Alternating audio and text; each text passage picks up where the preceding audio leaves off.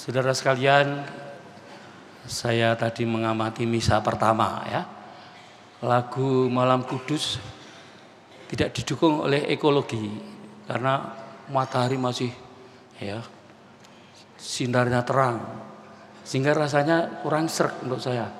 Malam Kudus, ambok lampunya dibatikan tetap terang gitu. Itu tidak didukung itu ya.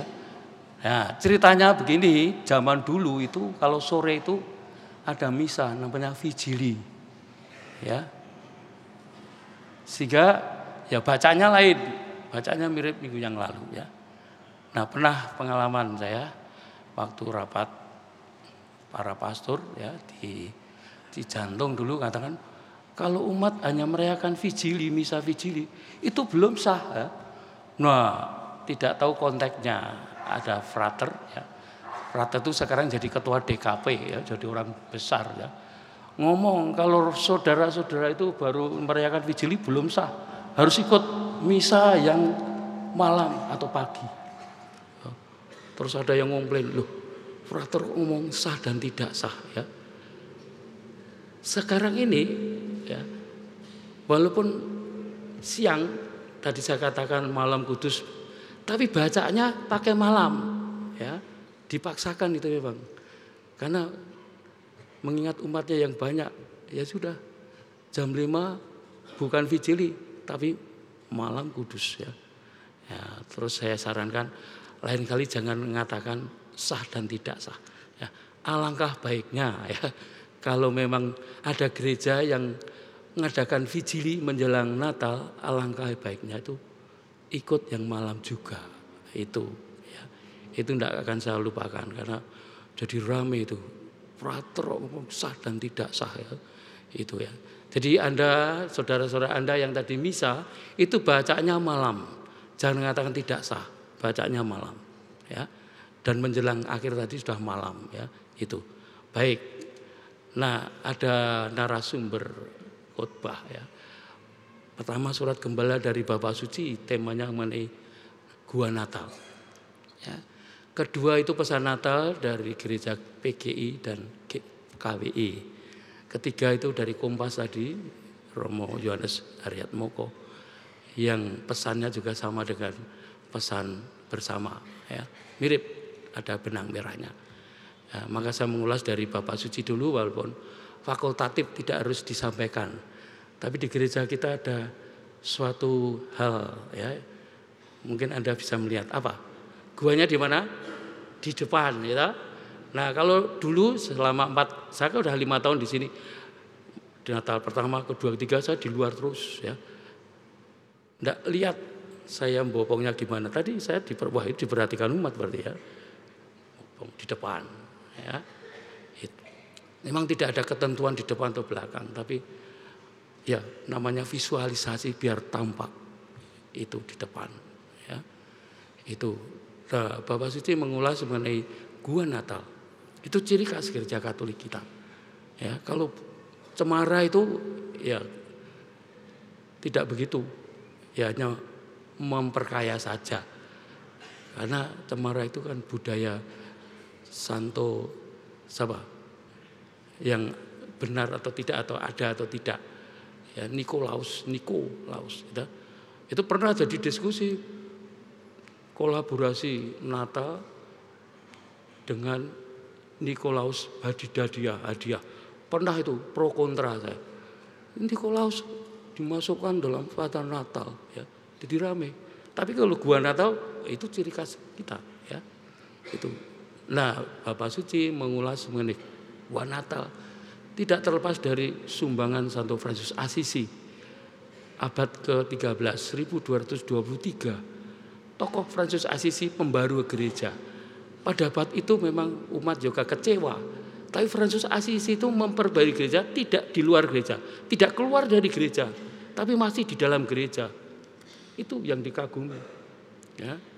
Saya dua kali di Assisi saya disuruh beri pengantar yaitu komentar saya Francis Asis itu membarui gereja tidak harus di luar gereja, tidak keluar dari gereja, tetap di dalam gereja dengan mendekati Bapa Suci, dengan pengalaman visioner spiritual, ya orang kaya tapi bertobat. Terus akhirnya dia prihatin dengan gereja. Dia itu ke Roma, bayangkan kalau dari Roma ke Asisi itu jam 7 berangkat sampai Asisi sore. Nah kalau jalan kaki bayangkan lima hari saya kira. Saya pernah nonton film SMP itu, wah itu jalan kaki. Dan dia memang pecinta alam semesta termasuk binatang. Yang saya tidak saya lupakan ketika ketemu itu binatang buas itu asisi apa tadi. Ada air dikasihkan itu. Tidak jadi memangsa asisi. Ya itu bagus ditampilkan ya. Nah ketika di Roma ya dia ditolak siapa kamu saya mau ke bantu Bapak Suci tidak bisa ya. mana undangannya mana harus resmi ditolak akhirnya dia tidak kehilangan akal saya mau ketemu teman saya, tukang masak, gitu. Oh yole, ya oke tukang masak. Wah, dengan tukang masak cerita pengalaman visioner. Akhirnya tukang masak kan dekat dengan Bapak Suci. Cerita ini ada teman saya yang penampakan banyak sekali. Ya suruh masuk.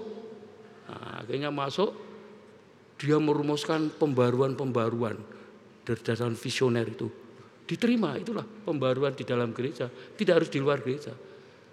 Intinya dulu memang abad ke-13 gereja ya personalnya itu masih bodoh-bodoh. Moto duitan ya, mengecewakan. Maka harus ada sikap kemiskinan ditekankan sikap kemiskinan peduli pada alam semesta peduli pada lain agama itu tiga hal itu ditekankan ditulis ya. akhirnya saran Francis Assisi diterima oleh Bapak Suci sampai sekarang ini.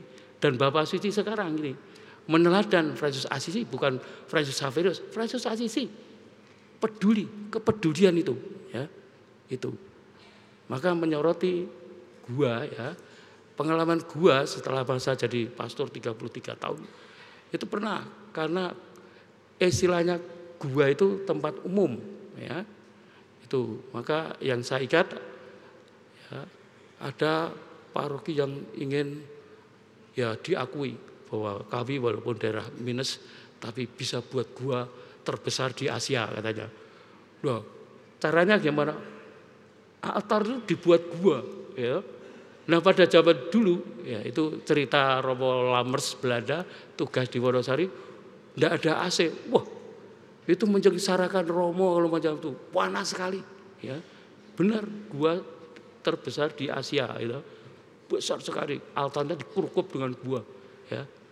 Yang kedua karena saya tidak terlupakan waktu di Santa Ana ya. Karena inspirasi umum ya sudah guanya itu dibuat apa di bawah jalan layang ya layang itu yang buat anak muda terus inspirasi bebas sekali di depan gua itu jemuran-jemuran termasuk pakaian dalam Wah orang-orang tua ngomplain apa-apa ini tuh ya bebas-bebas tapi jangan saru seperti itu. Pakaian dalam dijemur di situ. Turunkan itu ya. Kalau sepeda bolehlah. Gitu. Itu karena kreativitas umum seperti itu ya. Jadi memang kelahiran Yesus di tempat umum karena tadi disebutkan di tempat penginapan ditolak semua. Ya, entah kurang duit atau memang ya tidak ada fasilitas akhirnya ya di tempat umum Ya, kalau di Wonosari tempat umum itu pasar. Ya, kalau di sana pasarnya Paing, Rebu, Raing, Rebu, Paing. Ya, kalau di Jakarta kan Senin, Kemis ada pasar Senin, Kamis, Kemis. Zaman dulu itu berganti. Kalau sekarang tiap hari ada. Zaman dulu berganti. Ya, Senin, Selasa, Rebu, Kemis, Minggu itu pasaran. Dulu bergantian, tapi sekarang karena padat tiap hari ada.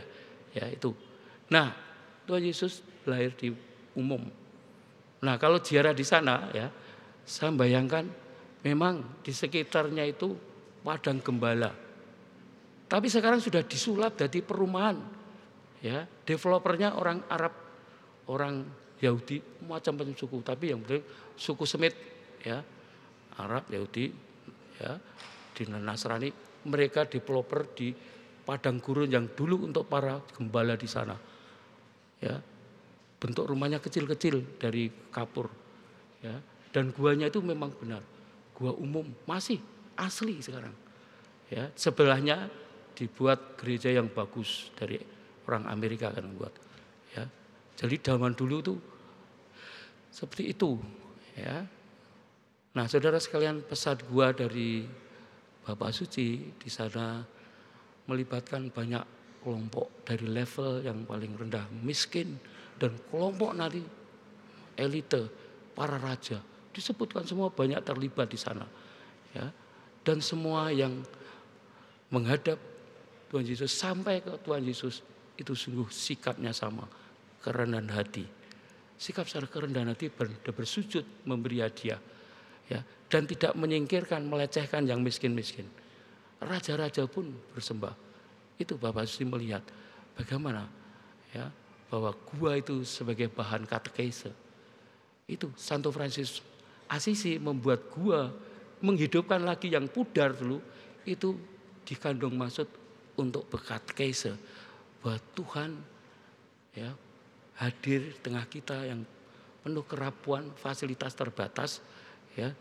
Itu tidak seperti Napoleon Bonaparte popoknya pun sekarang disimpan di Versailles ya. Popoknya itu Yesus di mana ada. Dengan kesederhanaan itu tidak ada bekas-bekasnya. Itu. Dan di sana diungkapkan juga bagaimana sebagai manusia biasa ya seperti kita sebagai bayi ya. Bayi Yesus itu tidak seperti pewayangan istilahnya apa condro di muka dalam satu hari terus jadi besar enggak. Seperti kita sembilan bulan. Lalu juga ya mengalami sakit pipis ee ya ngompol ya. Lalu ya macam-macam itu lemah. Ini Bunda Maria merawatnya. Itu agar kita berkomunikasi. Itu. Dan masih banyak lagi pesan Bapak Suci dalam makna gua Natal itu. Ya. Nah, Saudara sekalian ada benang merahnya pesan Natal ya. Kemarin sudah saya bahas Natal bersama dengan tema itu temanya ya Nah pesan Bapak Suci enam halaman, kalau dibaca satu jam, tapi saya ambil yang pokok-pokok saja. Ya. Nah sekarang mengenai pesan Natal bersama, sudah saya ulas minggu yang lalu atau hari minggu kemarin, itu temanya hidup sebagai sahabat. Acuannya Yohanes 15, 14 sampai 15. Ya, itu rumusan kebersamaan PGI dan KWI. PGI yang masuk PGI itu tidak semua gereja reformasi. Gereja Betel misalnya, tidak masuk. Ya. Yang masuk hanya tertentu saja. Ya, maka kemarin saya membacakan ya dipuji bagus. Ya, ini pesan Natal bersama yang rumusan ketuanya itu pendeta Henry Huta Barat dan dari Katolik Kardinal Suharyo, Ignatius Kardinal Suharyo. Ya. Nah, tema ini hidup sebagai sahabat itu diungkapkan tujuh gagasan ya bahwa dalam preambul 45 di sana dikatakan berkat rahmat Tuhan yang Maha Esa itu dimanai bahwa itu perjumpaan antara manusia dengan pencipta penciptanya itu pertama bahwa peristiwa kemerdekaan itu perjumpaan Tuhan umat Indonesia atau rakyat Indonesia dengan penciptanya. Yang kedua, menilik sejarah bahwa kita dijajah oleh penjajah terutama Belanda itu memakai eh, politik divide et impera supaya mereka tidak bersatu. Tapi bangsa kita karena banyak yang keluar negeri belajar, nah, mereka pulang akhirnya ingat akan negara kita, ya. Negara state yang meliputi beberapa pulau itu dengan semboyan Binika Tunggal Ika. Itu dicantumkan lagi ya Binika Tunggal Ika itu sebagai melawan DVD et Impera. Yang ketiga mengenai tema firman telah menjadi manusia yang dibacakan besok ya Natal sore ya firman telah menjadi manusia itu juga dimaknai perjumpaan manusia dengan Tuhan. Firman telah menjadi manusia perjumpaan manusia dengan Tuhan. Dan juga Injil Yohanes itu ciri khasnya gelap dan terang. Gelap itu diwujudkan sikap kebencian kekerasan. Maka Natal kita diajak membangun untuk menyambut dengan menghayati lawan dari kebencian dan kekerasan. Dan juga disebutkan bahwa dalam perjalanan agama kita Nasrani itu lahir dari rahim agama Yahudi. Tapi waktu itu ya agama Yahudi mengucilkan pengikut Kristus. Buktinya orang yang sakit buta disembuhkan Yesus diekskomunikasi, dikeluarkan dari sinagoga itu. Dan dalam perjalanan ada perselisihan mengenai identitas, maka diajak ya ini pesan terakhir supaya kita meneran Yesus kalau kita ingin bersatu, bersahabat, syaratnya rendah hati, saling melayani seperti Tuhan Yesus membasuh kaki para murid. Tuhan Yesus itu mengubah relasi guru murid, relasi tuan hamba itu yang mengandung kesenjangan. Nah, hadirnya Tuhan Yesus mengubah relasi timbal balik yang dulu kesenjangan jarak, sekarang tidak ada jarak, tidak ada kesenjangan. Itu berarti mengangkat harkat martabat manusia. Itu. Dan terakhir bahwa semuanya itu landasannya kasih dan kasih itu tidak cukup hanya tahu, tapi harus mampu diwujud nyatakan, tidak hanya wacana. Nah, pokok pikiran ini diulas dalam Kompas oleh Romo Yohanes Harian Moko yang pernah ke sini. Itu angkatan saya, tabisan. Ya, ketika tabisan tidak ada sarapan di buderan, maka ada sarapan di lemari es, ya. Masih termasuk saya ada itu bandeng presto ternyata sudah expired gitu. dimakan saya dengan dia.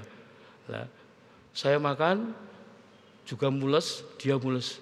Tapi oleh kakak saya waktu itu sudah dimuntahkan saja. Kakak saya bawa sapu tangan. Waktu tabisan tuh saya muntahkan saya selamat. Tapi Rafael pokoknya malu untuk memuntahkan semaput. Itu ceritanya saya lupakan.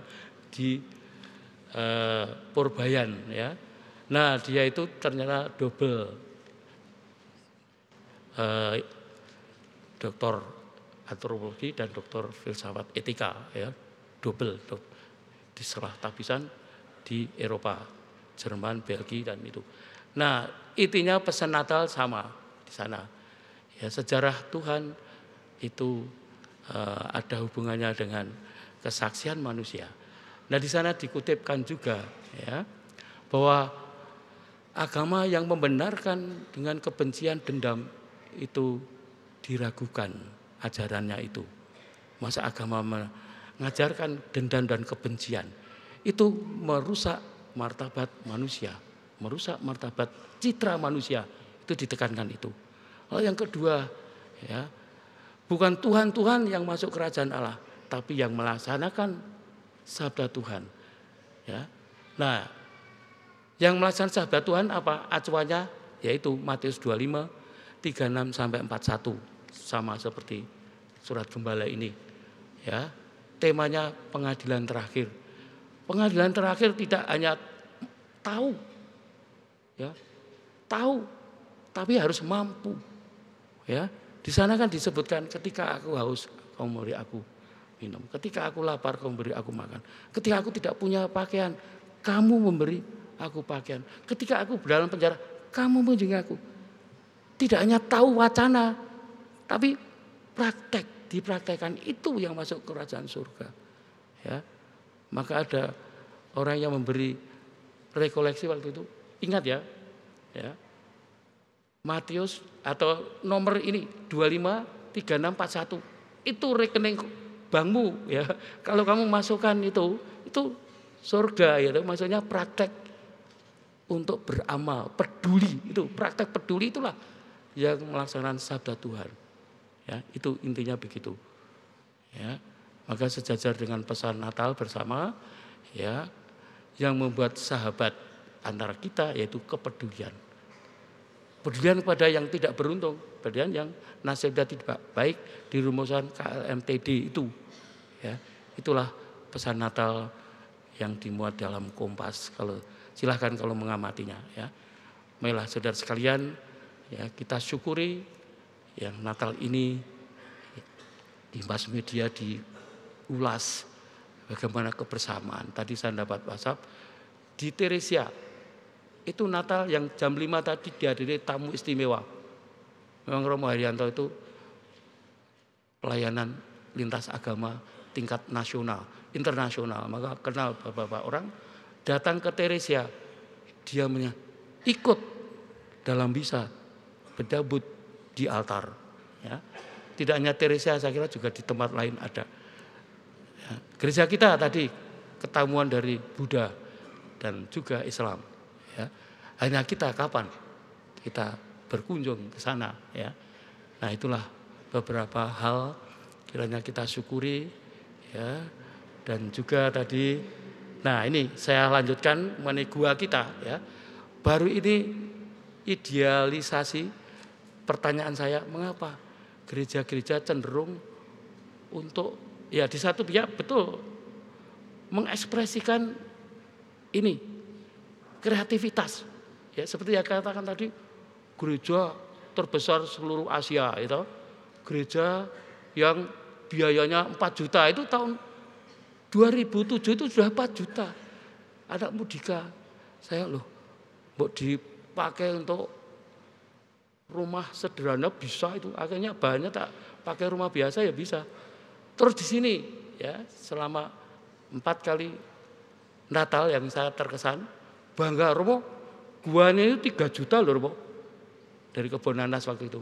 Ya jangan disia-siakan saya minta ya bawa ke MDS sampai sekarang untuk kandang kambing ya. Karena bagus 3 juta kok ya. yang kedua itu dari Alexander masih ingat. Ini biayanya mahal loh jurami-jurami itu mahal di kota. Bawa di Solo Pajang sekarang pakai saung ya. Nah gua ini saya tanya untuk apa nanti? Ini knockdown dicopoti ini exactly IT yang lulusan IT tapi bisa merangkai eksak secara eksak ukurannya tepat sehingga dicopoti dimasukkan dalam kardus disimpan manakala panitia besok mau pakai silakan saya setuju ya setuju bukan masalah hemat tapi masalah juga ya peduli tadi kok sudah ya memang dalam panitia ada template itu loh guanya cukup ra cukup semene. Ya. Kalau saya cari dana silahkan. Oh, udah cari dana ke mana-mana. Ya. Itu jadi menurut saya ini suatu hal yang perlu diperhatikan. Pertimbangan saya gereja katedral saya lihat itu guanya ya itu itu aja dilempet dimasukkan di, di belakang gua katedral itu. Terus bertahun-tahun seperti itu. Tapi gereja yang yang saya dikatakan di satu pihak memang ingin mengekspresikan kreativitas, ya puas memang, tapi di segi lain ya itu, itulah makna gua. Jadi gua seperti pesan Bapak Suci tadi, ya katekese dalam pembuatannya, juga dalam istilahnya uh, bentuknya, ya bentuknya saya viralkan di luar paroki kita bagus, romo sederhana, ya itu yang di depan itu itu pakaian bekas itu besok akan dibagikan ya. Biayanya depan dan belakang itu di bawah 2 juta. Hampir satu setengah juta depan belakang. Jadi tidak mencapai tinggi. Saya saya di samping hemat tapi juga nilai seninya. Ya. Ini coba sederhana semua toh. Rangkaian sederhana ini gebagor, besok copoti. Nah itu memang pesannya buat coba. Temanya keadilan. Buat disesuaikan dengan tema waktu rekoleksi itu temanya keadilan ya. Ini maka saya sebagai moderator ya terima kasih pada panitia yang mendengarkan tema keadilan dan kepedulian. Kemuliaan kepada Bapa, Putra, dan Kudus seperti pada permulaan, sekarang selalu dan sepanjang masa. Amin.